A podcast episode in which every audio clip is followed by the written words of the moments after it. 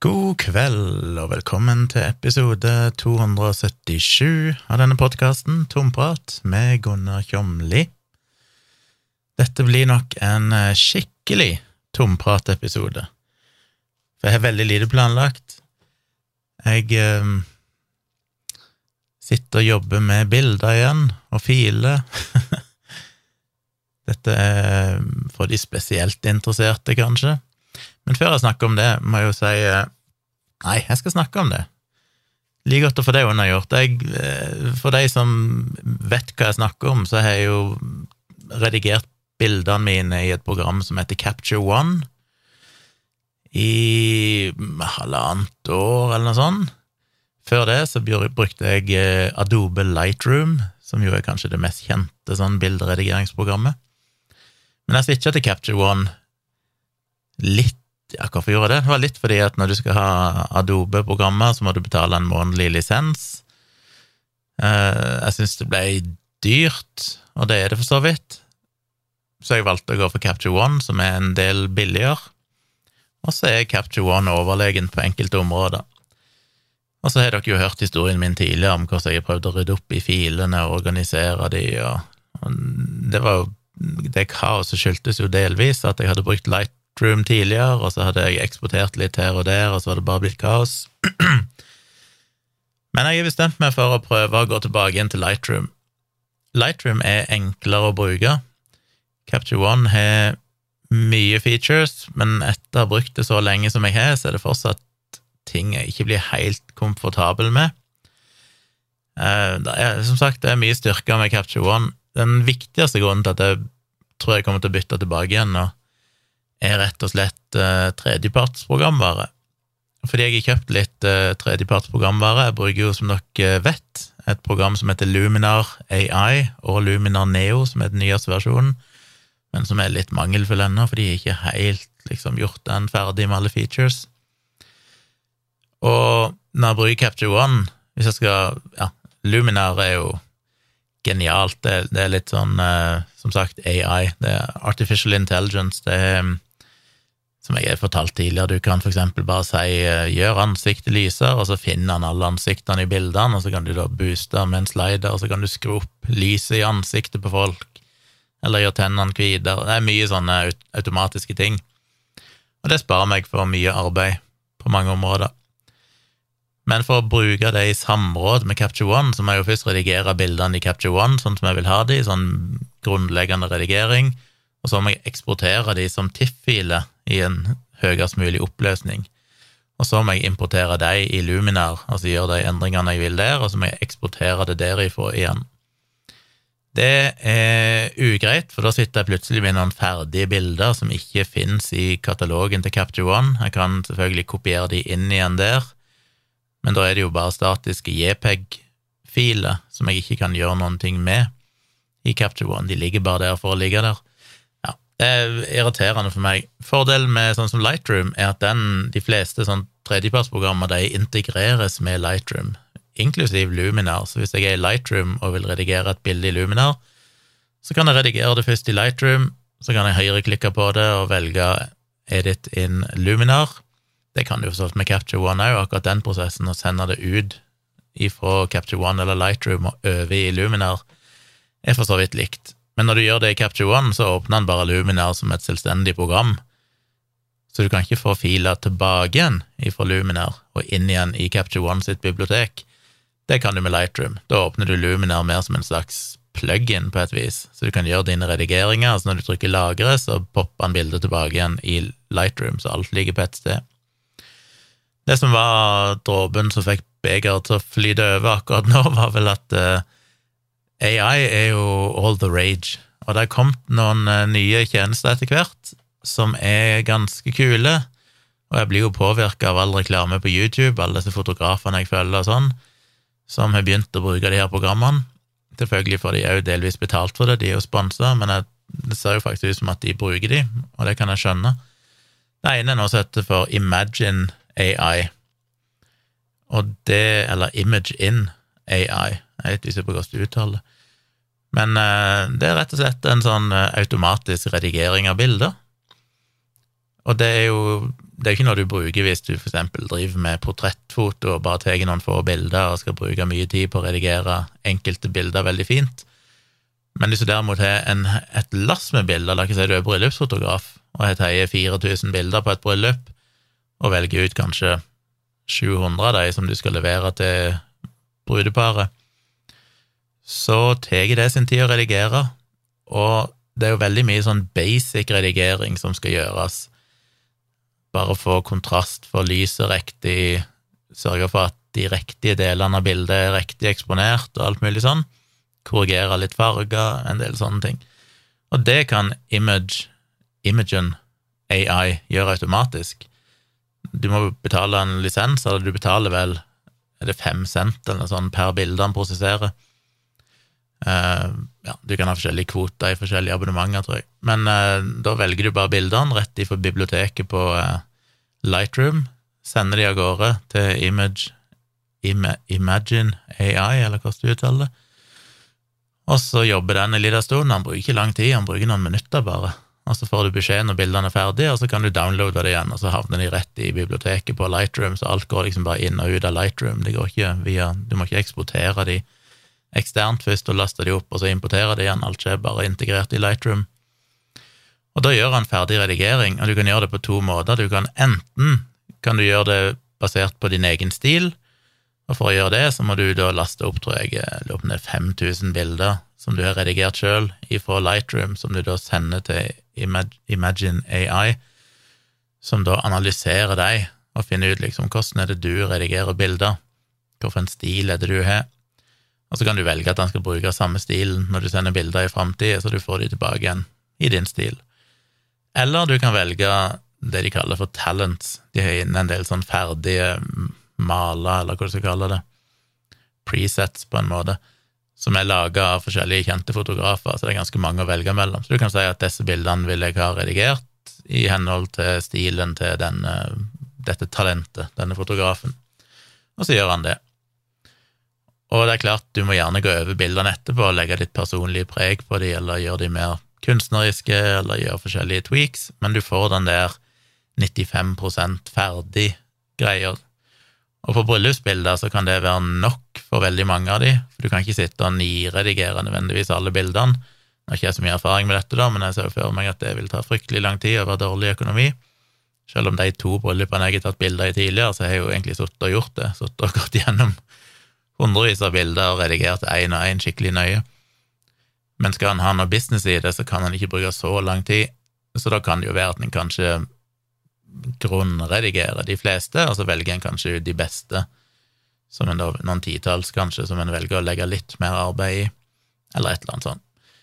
Uh, uansett så sparer du mye tid på at du har et eller annet system som gjør den der redigeringa i utgangspunktet. Jeg må jo bare si før jeg fortsetter, at nå sitter jeg og importerer alle bildene som jeg nylig har ryddet opp i, og sånn, til Capture One, som er en 50 000 bilder eller noe sånt. Og det er store bilder. Det er jo ikke noe sånn uh, mobilbilder. Det er jo Hver fil er jo ganske mange megabyte. Så det er Hva er det? 1, det er et par terabyte eller sånn med bildedata. Det driver jeg nå og importerer tilbake igjen i Lightroom, så den driver på i bakgrunnen. Jeg tenkte jeg skulle bli ferdig med det før jeg spilte inn podkast, men jeg ser jo at det kommer man nok til å drive med hele natt, og vel så det. Så jeg måtte bare begynne å spille inn. Så hvis du hører noe knatring i bakgrunnen, så er det bare de eksterne diskene som jobber for full maskin, og maskinen kjøres ganske hardt. Så jeg håper ikke innspillinga her blir fucka. Jeg prøver å spille inn samtidig som maskinen driver og tygger seg gjennom gigabyte på gigabyte med bildefiler. Jeg skal jo både importere de og generere sånne previews av alle, så det er ganske mye arbeid som skjer på maskinen akkurat nå. Heldigvis er jo sånn en kjapp og god maskin akkurat nå. Men ja, det var Imagine AI. Det har jeg lyst til å teste ut. Det kunne jeg ikke teste ut hvis ikke jeg brukte Lightroom, så jeg tenkte da er det kanskje verdt det. Skal få litt sånn gang på fotobusinessen og mye restaurantfoto og kanskje flere brylluper framover sånn, så trenger jeg å effektivisere prosessen. Det andre er et uh, system som heter Aftershoot, som òg bruker litt sånn kunstig intelligens, eller hva du skal kalle det. og det den gjør, det er rett og slett at den velger ut bilder for deg. Og da er den visstnok, når jeg ikke har testa dette ennå, Jeg har ikke betalt noe abonnement på noen ting av dette, jeg vil teste det ut først og se om det faktisk duger. Men det den gjør, er rett og slett å, å velge ut bilder for deg. Så du kan da, la oss si du har tatt bilder i et bryllup og sitter der med 3000 bilder, så kan du egentlig bare sjøfle dem rett opp til aftershoot, og den vil da Og det er ikke så mye data, for den, den tar vel bare previewsene, tenker jeg, og det er ganske sånn små, litt mindre versjoner av bildene, så man, han trenger jo ikke fullversjonen av bildet for å analysere det, han trenger jo bare en eller annen enkel JPEG-versjon. Så du sender bare dem opp til aftershoot, og så vil den systematisk gå gjennom alle bildene, og så vil han tagge de for deg. For eksempel at han tagger alle bra bilder med grønt, eh, grønn farge, alle bildene der noen blunker, de får en egen farge, alle bildene som er duplikater, der du, la oss si du tar en bildeserie, du skal ta bilder av brudepar, og så tar du sånn klikk, klikk, klikk, klikk, klikk, klikk, klikk, klikk, så sitter du plutselig med 15 bilder som er nesten helt like, fordi du må prøve å fange akkurat et øyeblikk der begge har øynene oppe og liksom smiler og sånn, da må du ofte ta mange bilder. Så kan den automatisk da se at her er det en serie med mange like bilder, men dette bildet er det beste av de. Her er begge øynene oppe, her smiler begge. For det kan han òg gjøre, han kan òg detektere følelser i bildene, så han kan registrere om folk smiler og sånn. Så hvis det er ti bilder, og de bare smiler på ett av de, så velger han det der de smiler, for eksempel. Den vil òg se på komposisjonen av bildet, og ja, han ser vel litt på om føtter og armer og hode og sånne kutter på noen av bildene, og vil da i så fall nedprioritere dem og heller velge en variant der du ikke er kutta så mye av kroppen, og mye sånt som man gjør. Og det skal visstnok funke veldig bra. Eh, noen av de kjente fotografene jeg følger på YouTube, de sier at de har gått ifra å bruke gjerne flere dager på den jobben etter et bryllup, til å egentlig bruke et par timer. De bare sender først alle bildene til aftershoot, så får de tilbake igjen de bildene som er bra. Så slipper de å sitte og gå gjennom 3000 bilder sjøl.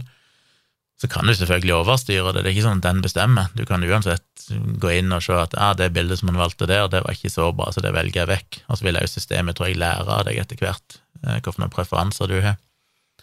Men da får du de bildene som er bra, og så kan du da eventuelt sende de til Imagine AI og få de sånn basisredigert, sånn at de er stort sett ferdige, alle ser bra ut. Og så kan du da sitte litt sjøl etterpå og så finredigere bildene til slutt.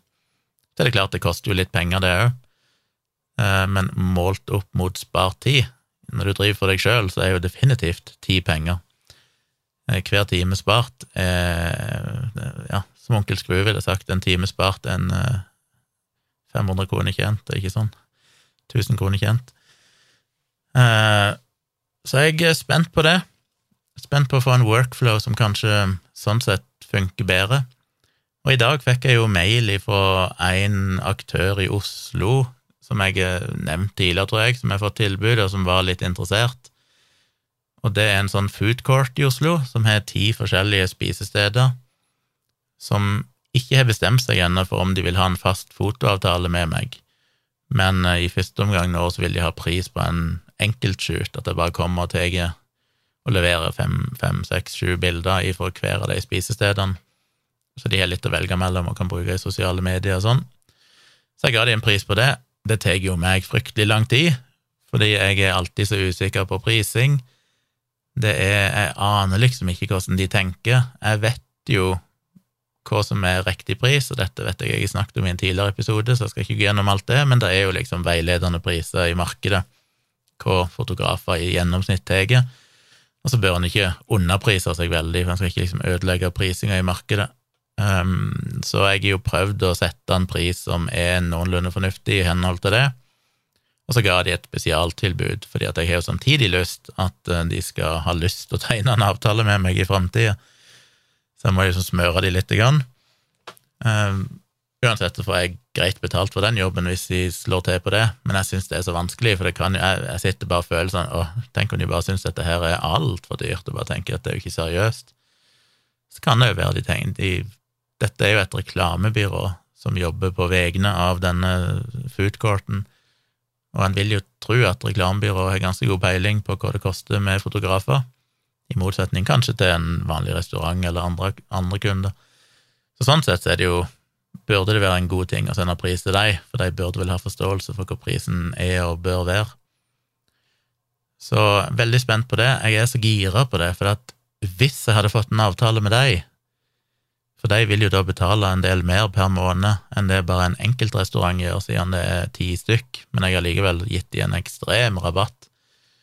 De betaler ikke liksom for ti restauranter, fordi dette er jo veldig sånn små boder, det er mye mindre å ta bilder, mindre areal. Jeg har vært inne og sett på noen av de i Oslo før, og det er sånn det er ikke som en restaurant der du har et svært lokale og kjøkken og mange ansatte. Her er det jo mer som en liten kiosk.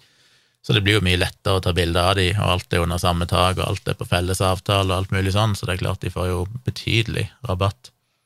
Men på tross av den rabatten så tilsvarer det jo å få en, kanskje tre restaurantkunder i Oslo. Og hadde jeg fått det, så hadde jeg jo vært nesten i mål med liksom det, det jeg burde ha nå for å, å klare meg greit framover.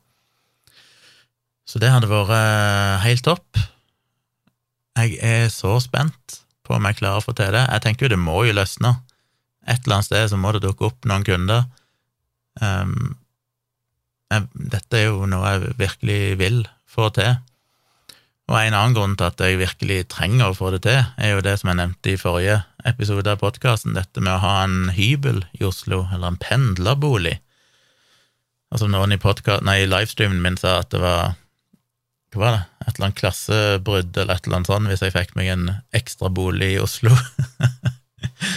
og det er jo, det føles jo Det er litt som det der med å få seg vaskehjelp, når jeg ikke mener vaskehjelp, men hadde jeg noen gang fått vaskehjelp, så hadde jeg òg følt at det er et eller annet som er Det strider mot alt jeg står for. Det føles så ekstremt uh, feil. Jeg er jo en middelklassefyr som aldri har hatt noe ekstra, vokst opp i en familie som aldri har hatt noe ekstra Alt er liksom bare helt enkelt og basic, det er ingenting som er flott. Men, uh, men samtidig så må jeg vel innse det at det å ha vaskehjelp er helt ok og normalt, og det handler jo om hvordan du velger å prioritere tida di. Så det er jo ikke noe galt med det, men allikevel så sitter det liksom i meg at jeg, ville, jeg hadde nesten ikke tørt å si det til noen som hadde fått dere vaskehjelp. Det føles, som, føles bare så feil. Og det er litt sånn òg med å ha en, eh, en, hybel i Oslo. Det føles litt uh, Hva er ordet? Det føles litt råflott på et vis å ha to boliger. Samtidig så er jo det helt vanlig, og de, en betydelig andel av den norske befolkningen har jo hytter, for eksempel. Det har jo ikke vi. Vi har jo en ganske enkelt og rimelig lite hus på Vennesla. Men uh, ja, og det blir ikke noen fancy, flott, stor leilighet i Oslo, som sagt. Det blir en ettroms, liten hybel. Noe shabby greie, bare for å ha en plass å køye når jeg er der. Men jeg ser jo det nå, at det trengs, fordi det eh, koster for mye. Koster mye å bestille hotell hver eneste gang, og det gjør at jeg ikke kan være så fleksibel som jeg ønsker. Jeg sliter jo litt med noen av de restaurantene og får liksom spikra tidspunkter og dager og sånn for hver fotoshoot. De er litt sånn treige med å sjekke mail og treige med å svare. Og når jeg da må bestille hotell i forveien og skal prøve å koordinere det med podkastinnspilling og eventuelt andre ting som skjer samtidig når jeg først er i Oslo, så er det stress hver eneste gang. Det er sånn, ja, men jeg må jo få bestilt hotell nå, men jeg vet ikke hvilke netter jeg skal bestille, for jeg får jo aldri svar på disse mailene. og så det å bare visst at jeg hadde en plass, jeg kan bare reise når det passer meg, så vet jeg at jeg har en plass å, å overnatte, så hadde det vært helt gull. Og prismessig, sånn som det ligger an nå, så vil ikke det egentlig bli noe særlig dyrere. og iallfall ikke hvis jeg får minst én kunde til, så vil jo det både kreve at jeg kanskje må overnatte en natt mer enn det jeg har pleid, som vil gjøre hotell dyrere, og i tillegg da gi bedre inntekt, som i større grad da kan forsvare å leie en liten hybel. Men jeg snakket jo litt i forrige episode om at jeg hadde satt inn en annonse, og følte kanskje det var litt sånn flaut, for det er, sånn, det er vel ingen som vil leie ut en, en hybel i Oslo til bare 5000 kroner, som var det jeg hadde sagt var det jeg hadde råd til. Hvis en skal veie det opp mot hotell, så det, vil det omtrent gå i en break-even, da. Eh, men det funka bra. Jeg fikk jo, har jo fått mange tilbakemeldinger, mange som har svart på annonsen min. Og det var jo akkurat som jeg hadde håpet, dette med at kanskje det er folk der ute som sitter på et eller annet som de kanskje ikke egentlig hadde tenkt å leie ut, men hvis de kan få noe for det, så er det kanskje aktuelt allikevel. Og en del av de har, har tatt kontakt. De fleste har vært uaktuelle, enten fordi jeg leier litt langt ut forbi Oslo til at det har vært aktuelt, selv om de har vært fristende, for det er jo ganske store, store plasser å bo.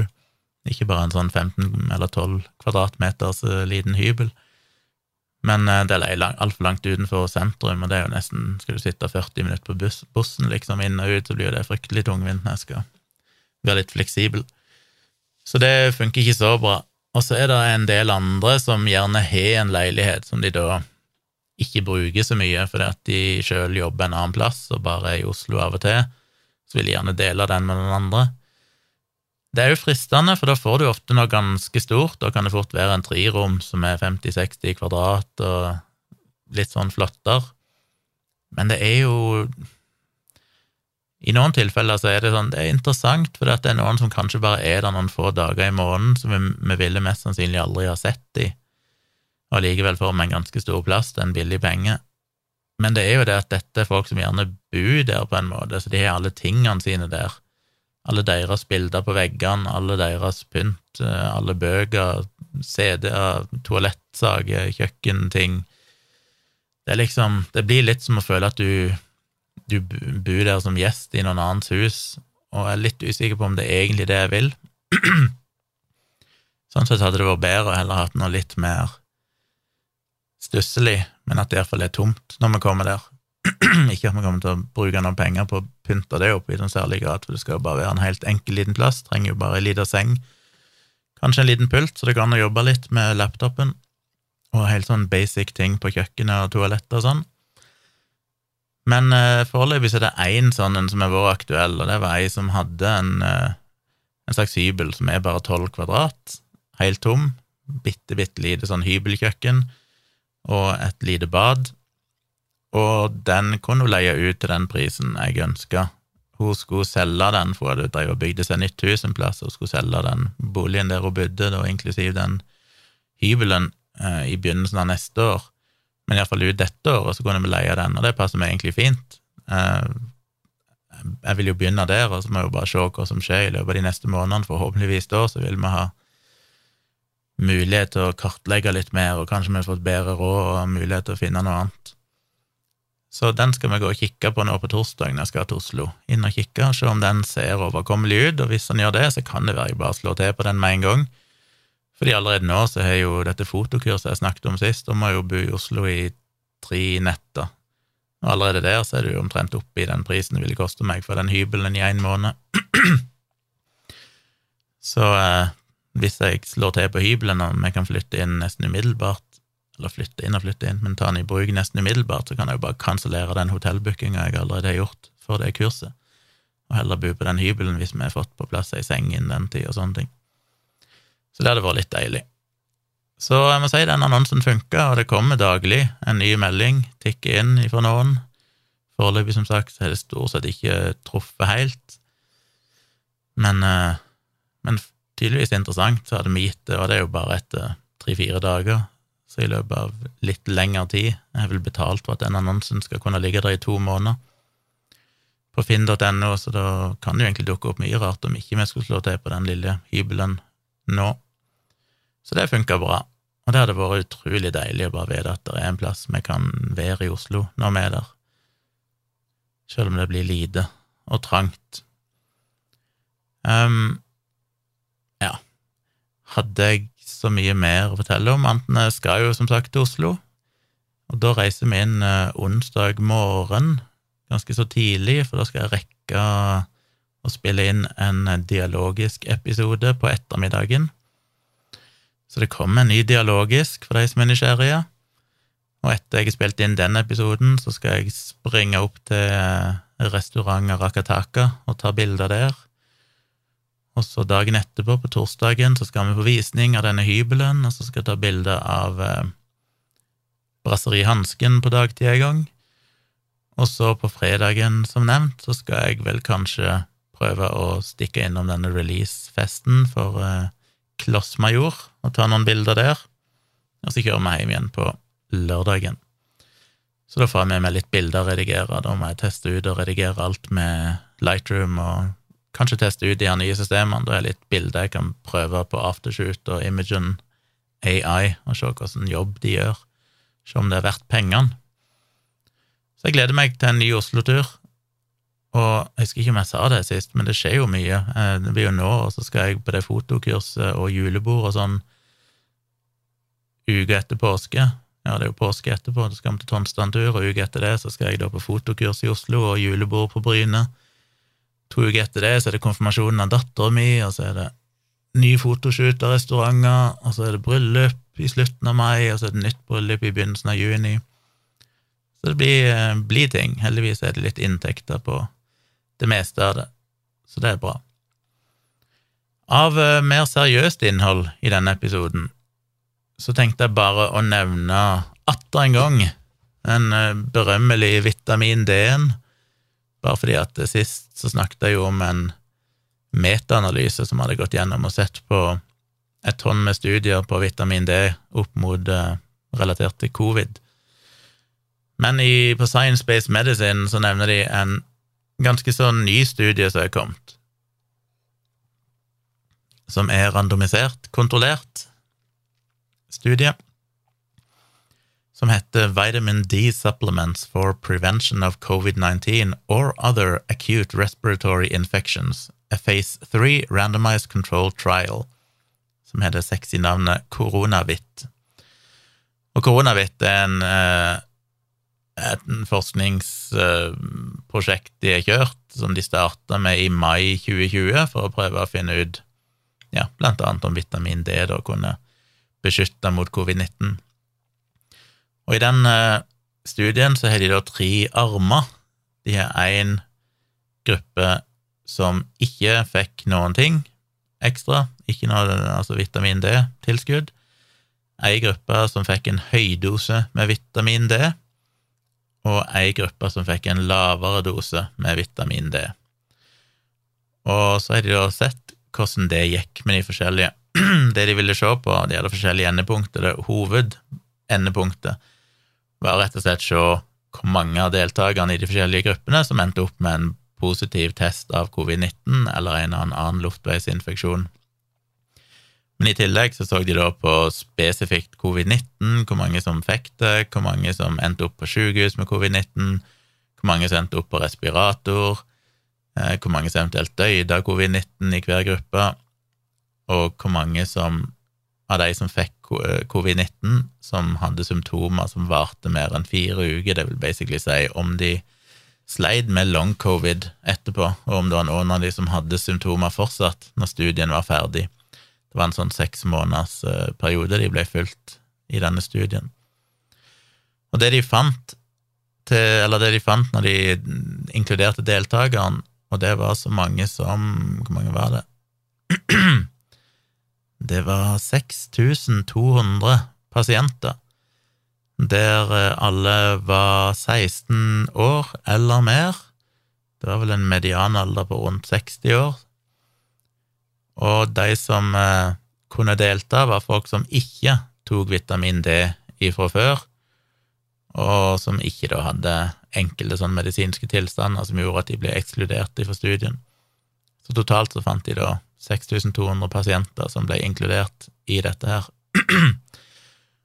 og det de blant annet fant, var jo at 97,4% av alle deltakerne hadde jo under det anbefalte nivået i henhold til britiske retningslinjer for uh, vitamin D i blodet sitt.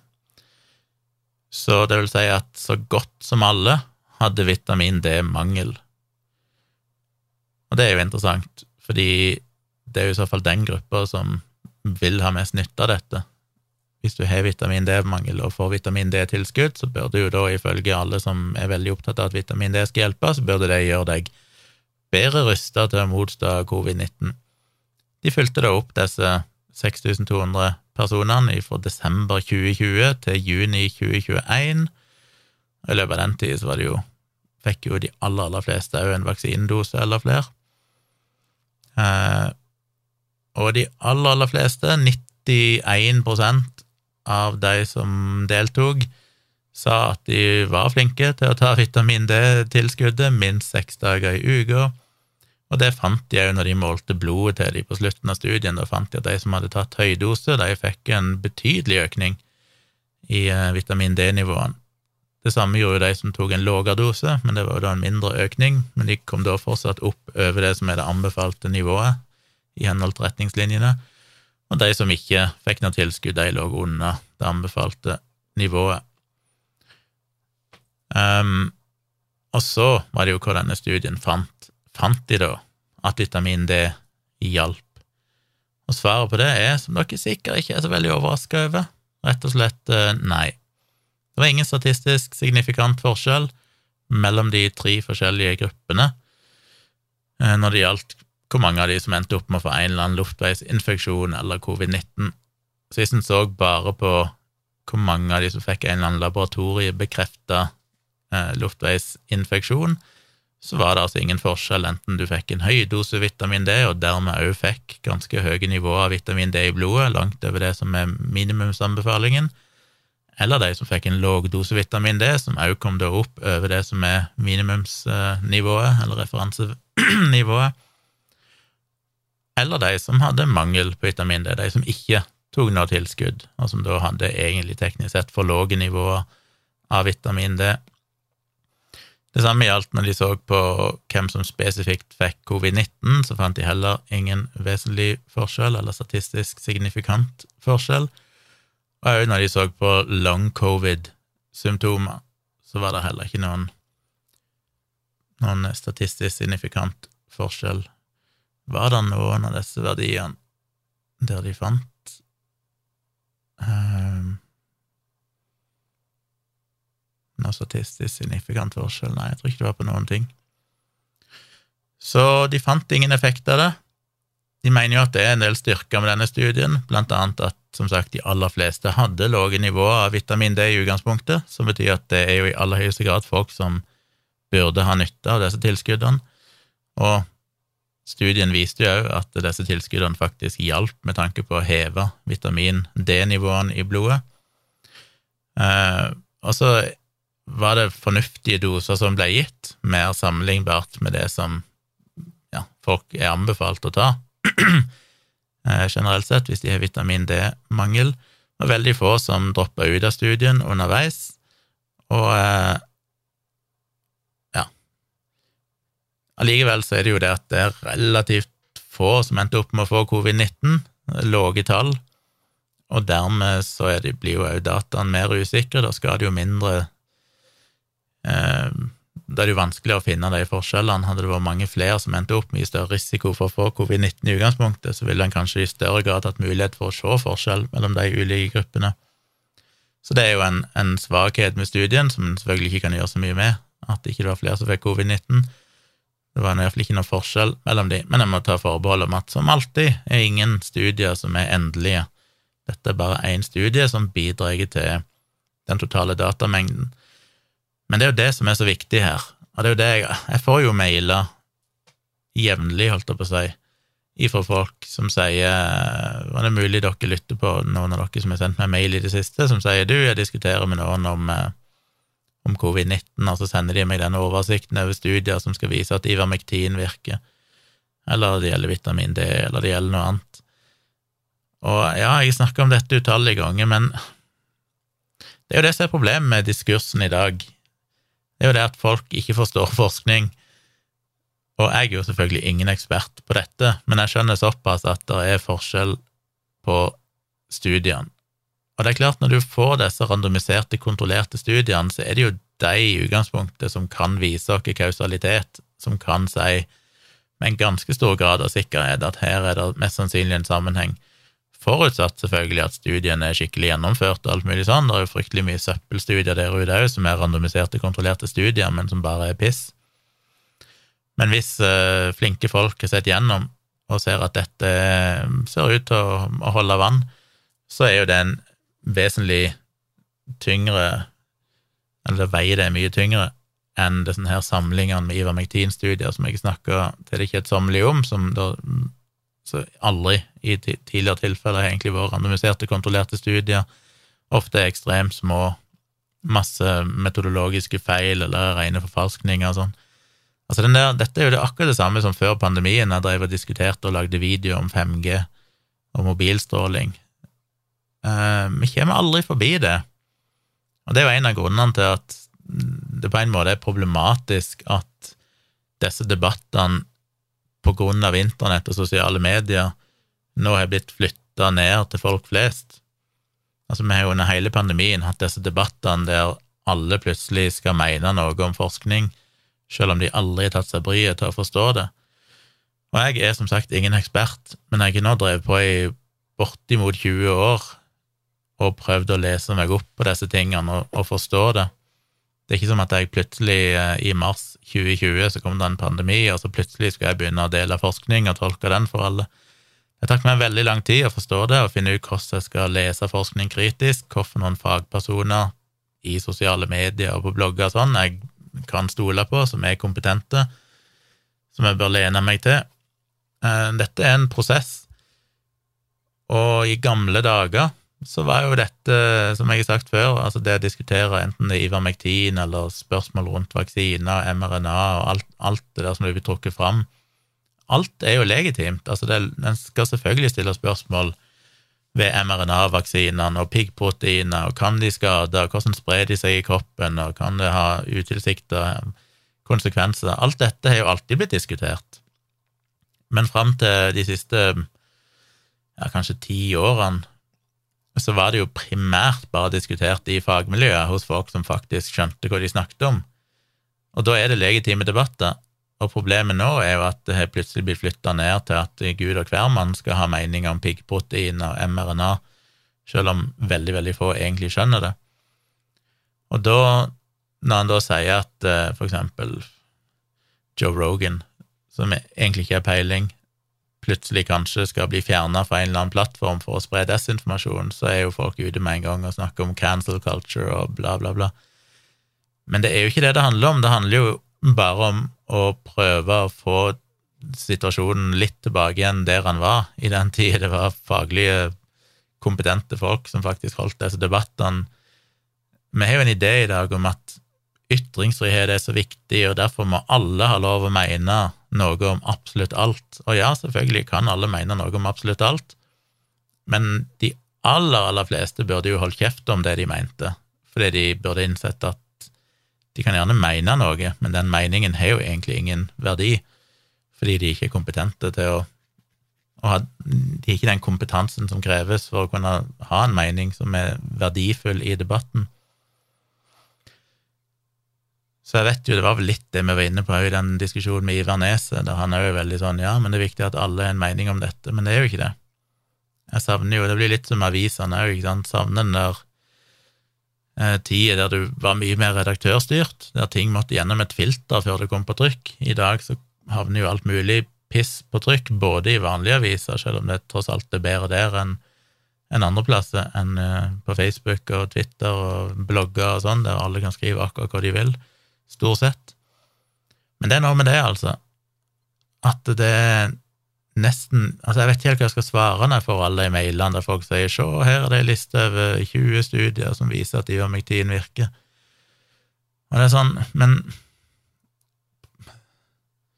Problemet er jo at de som da stiller spørsmålet, eller som har kommet med den påstanden, bare mangler så mye fundamentale eller så mye fundamental kunnskap at det er nesten umulig i det hele tatt tilbakeviser det, fordi vi ikke forst...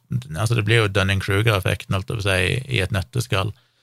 De er for inkompetente til å skjønne hvor inkompetente de er, sånn at for å kunne svare på det, for å kunne imøtegå det, så må du nesten gi de først et sånn lynkurs i hva er vitenskapelig metode, hvordan fungerer dette, hvordan ser vi hvilke studier som er gode og ikke. Og det kan en ikke ta seg tid til hver gang. Og da kan det virke for deg som at å ja, du bare avfeier de fordi det ikke passer deg. Nei, avfeier de fordi at disse studiene ikke er designa for å kunne gi svar. De er i beste fall hypotesegenererende studier. Eh, de leter for å se om det er et eller annet signal her som gjør at vi bør gjennomføre en randomisert, kontrollert studie for å finne bedre svar, men i seg sjøl kan ikke disse studiene besvare dette spørsmålet. Og jeg blir så oppgitt av det, for det er bare hele tida, det er bare sånn skred av folk som har meninger basert på forskning som de ikke skjønner. Og Det er derfor jeg tar meg litt tid til å når det da kommer en Det er jo ikke vært mange av disse randomiserte, kontrollerte studiene. Nå snakket jeg jo sist om den største og beste, og en av de aller første, på ivermektin. og så har det bare vært noen veldig, veldig få som er kommet på vitamin D knyttet opp mot covid-19. Og de er verdt å trekke fram, fordi en kan gjerne få inntrykk av at ja, men det finnes jo mange titalls eller hundretalls studier på vitamin D, ja, men ingen av de har tidligere vært randomiserte, kontrollerte studier av noenlunde god kvalitet. Nå har jo denne studien her òg sine svakheter, blant annet så var han vel eh, ikke blinda, de som fikk eh, vitamintilskudd, de visste om de fikk det eller ikke. Det var ikke noen placebogruppe, altså. Så de som var i, i eller de som var i kontrollgruppa, de fikk ingen, ingen uh, vitamin D-tilskudd. Det var ikke sånn at de fikk en fake vitamin D-pille. Um, det skal en jo alltid være obs på. Det kan jo påvirke resultatene. Um, ja, det var primært det. Ja, og det andre var at dette er heller ikke en fagfellevurdert studie ennå. Det er bare publisert som en preprint foreløpig. Så det må man òg være klar over, at uh, den ikke gjennomgått den kritikken ifra fagfeller for å sjekke om det er noen åpenbare feil med studien, noe som er galt. Uh, skulle det dukke opp noe sånt, så vil jeg jo komme tilbake til det. Så jeg må ta alle de forbeholdene som er. Men uansett så er nå det viktig å trekke fram de randomiserte, kontrollerte studiene som er, for det er jo de som er designa for å faktisk kunne finne årsakssammenhenger, og det er jo ikke alle andre studiene som folk kaster rundt, seg, kaster rundt seg med. Så jeg lenker jo selvfølgelig til den, hvis dere vil lese mer om det. Sitter jeg og tenker på om jeg har noe mer lurt å si. Oi, sitter jeg og raper. Tror ikke det, altså. Jeg har en arbeidsdag igjen i morgen før jeg skal suse av gårde til Oslo.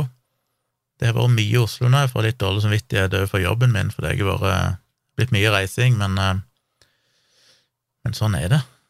Man skal prøve å sjonglere og ha mange baller i lufta på en gang.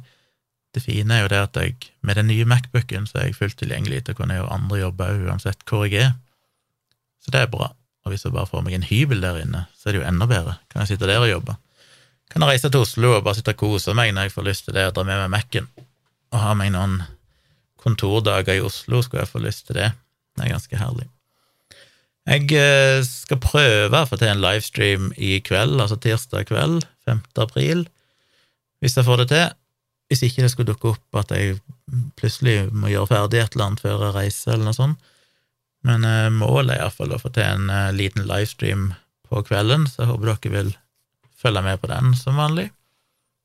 Så minner jeg om at det er kommet en ny episode av Virkelig grusomt, som handler om Air France flight 427, er det ikke det, eller var det 447, et eller annet sånt, som forsvant på mystisk vis over Atlanterhavet i 2009, der det blant annet var fire norske passasjerer som omkom. En fant jo til slutt ut hva som hadde skjedd. Det er ikke sånn mystisk greie sånn som det er Malaysia Airlines MH370, eller hva den heter, som bare forsvant helt. Men uh, det tok litt tid før de både fant flyet, og enda lengre tid før de til slutt fant ut hva som egentlig hadde skjedd. Så det er en litt sånn forferdelig historie som jeg syns er ganske interessant av forskjellige årsaker, som dere vil forstå hvis dere hører nyeste episode av Virkelig grusom, som dere òg må abonnere på. Jeg syns jo det er veldig kult om dere vil støtte meg på Patrion. Det betyr mye for det jeg driver med. Jeg prøver jo å skape et lite levebrød her litt sånn på si av å drive med de tingene jeg gjør, og prøve å balansere det opp mot en uh, dayjob som uh, IT-mann, men jeg har lyst til å kunne prioritere enda mer tid på fotografering og podkasting og de tingene der, og da er jeg helt avhengig av at de som benytter seg av innholdet mitt og verdsetter det, er villige til å betale for eksempel 60 kroner i måneden. Det er ikke så mye penger. Det er, tror jeg, de aller fleste jeg sier ikke alle, jeg skjønner at det er noen der som har veldig skrap økonomi, og det har jeg full forståelse for, men de aller fleste tror jeg har råd til 60 kroner i måneden for å støtte opp om det som jeg håper kan være en motvekt til alt pisset der ute. Så hvis du har lyst til å gjøre din lille innsats i kampen mot eh, dårlig vitenskap og konspirasjonsteorier og antivaksine og alt dette her, så kan det er verdt kanskje å slenge av gårde en liten Patron-støtte i denne retningen. Min retning, rett og slett. Hvis ikke du vil det, så kan du også kjøpe meg virtuelle kaffer. Det kan du gjøre på buymeacoffee.com slash Civix. Der går det an å gå inn og kjøpe meg virtuelle kaffer. Det kan dere både gjøre mens jeg har livestream, men dere kan også gjøre det når som helst ellers. Det ligger også link inne i bloggen min, så hvis det er noen bloggposter dere setter pris på, så kan dere jo kjøpe meg noen virtuelle kaffer. Og så går det an på livestreamene mine å superchatte, for de som vil det. Det er rett og slett å donere et lite beløp via YouTube, og få da framheve kommentaren sin på livestreamen. Så det kan dere gjøre, hvis dere følger med på det. Det glemmer jeg alltid å si, det har jeg ikke sagt på lenge i livestreamene mine, men jeg skal minne folk på det neste gang. Men det viktigste av alt er jo Patrion, for det er jo en sånn fast støtte som det går an å basere seg litt på. Og eh, det er flere nivåer der. Begynner på 60 kroner, og så kan du gå oppover. Men for de 60 kronene, i tillegg til å støtte meg og få god karma og komme til himmelen og alt dette her, så eh, får du òg denne podkasten tidligere enn alle andre, og du får den òg uten reklame. Så det kan du òg se på som kanskje verdt at du betaler deg ut av reklamen. Hvis du hater å høre podkastreklame, så, så kan du få den uten reklame hvis du bare betaler en liten slant i måneden. Så jeg håper litt flere av dere som hører på, har lyst til å gjøre det. Det er ikke så mange av dere. Hvis bare um, Hvis 10 av dere hadde gjort det, så hadde det jo vært helt supert. Da hadde det jo leie godt an. Sånn som det er nå, hvis jeg skal måle opp de som støtter meg mot antall lyttere, så er det ikke Da er det ikke mange prosentene. Men øh, hadde vært et mål å, å få 10% av lytterne mine til å støtte meg. Det hadde vært veldig, veldig kult hvis vi klarte det. Så hvis du føler deg truffet, gå inn på patreon.com slash tjomli og eh, bli med på en av de støtteabonnementene du kan ha der. Um, følte det var en ting til jeg skulle si i den anledning, men nå datt det helt ut. Ja. Anyway. Jeg tror dette var en slags episode. Ikke så mye content, mye tomprat, men hvis dere ser på tittelen av denne podkasten, så ikke si at dere ikke var advart. Jeg kommer sterkere tilbake når jeg får litt bedre tid, og så er det selvfølgelig lov å sende meg tips, hjelpe meg med å fylle denne podkasten med innhold eh, ved å sende mailer til tompratpodkast med C, podkast med C, tompratpodkast i ett ord, at gmail.com. Der kan dere både sende inn tips og spørsmål, ikke minst, hvis det er ting dere lurer på, som dere vil jeg skal snakke om. Og da minner dere på at det trenger ikke bare være sånn eh, omfattende vitenskapelige ting som jeg må sitte og researche i ti timer. Det kan jo bare være litt mer personlige ting som det kan å svare litt mer filosofisk på, eller bare ja, et eller annet som eh, kanskje ikke krever så mye research alltid, men som bare handler litt mer om mine følelser og tanker om ting. Jeg har fått noen gode sånne spørsmål tidligere som jeg alltid syns er veldig gøy å svare på. Så det setter jeg veldig pris på om dere vil gjøre det. Og som vanlig feedback, eh, korrigere feil, eh, ris og ros er lov å sende til den mailen. Og som vanlig, hvis dere sender noe som dere helst ikke vil nevne noen navn på hvis jeg leser opp, så skriv det i mailen. Eller så pleier jeg bare å bruke fornavn uansett på den som mailer, så dere er litt anonymiserte. Ja, det tror jeg var alt. Tusen, tusen takk for at dere hører på, og takk for fine tilbakemeldinger jeg får. Veldig hyggelig om dere fortsatt vil gå inn på Apple Podcast og sånn og gi meg noen stjerner og kanskje en hyggelig kommentar, for det er ganske lenge siden sist jeg fikk det der inne, så vidt jeg har sett. Og det hjelper jo podkasten òg til å få litt mer synlighet rundt om i podkastverdenen. Så fint om dere vier et par minutter til det. Men uansett så blir det ikke noen podkast på fredag, fordi jeg som sagt er i Oslo på det tidspunktet men det blir nok en podkast neste tirsdag, som da er i det som for mange er en påskeferie. Så satser jeg på å komme med en ny episode. Kanskje det, det blir nok en, en påske-livestream da. Så eh, følg med, husk å abonnere, og det kommer som sagt da òg en dialogisk episode i slutten av denne uka, mest sannsynlig. Eller kanskje til helge, eller et eller annet sånt, så fort han er klar. Da runder jeg av. Disse bildene mine har jeg knapt uh, toucha borti prosentene her, så det kommer til å fortsette hele natta med importering. Men jeg gleder meg til det er ferdig, så jeg kan teste ut alt det nye fancy jeg skal teste ut. Og i mellomtida så må dere kose dere i det som begynner å bli en slags vår, selv om nå er det litt sånn tilbake igjen, da, med litt kaldere, og det er meldt litt snø på Østlandet og sånn, det er jo noe dritt. Men bare kom dere over denne kneiget, så kommer nok våren til slutt. Så kos dere. Vi høres igjen ganske så snart.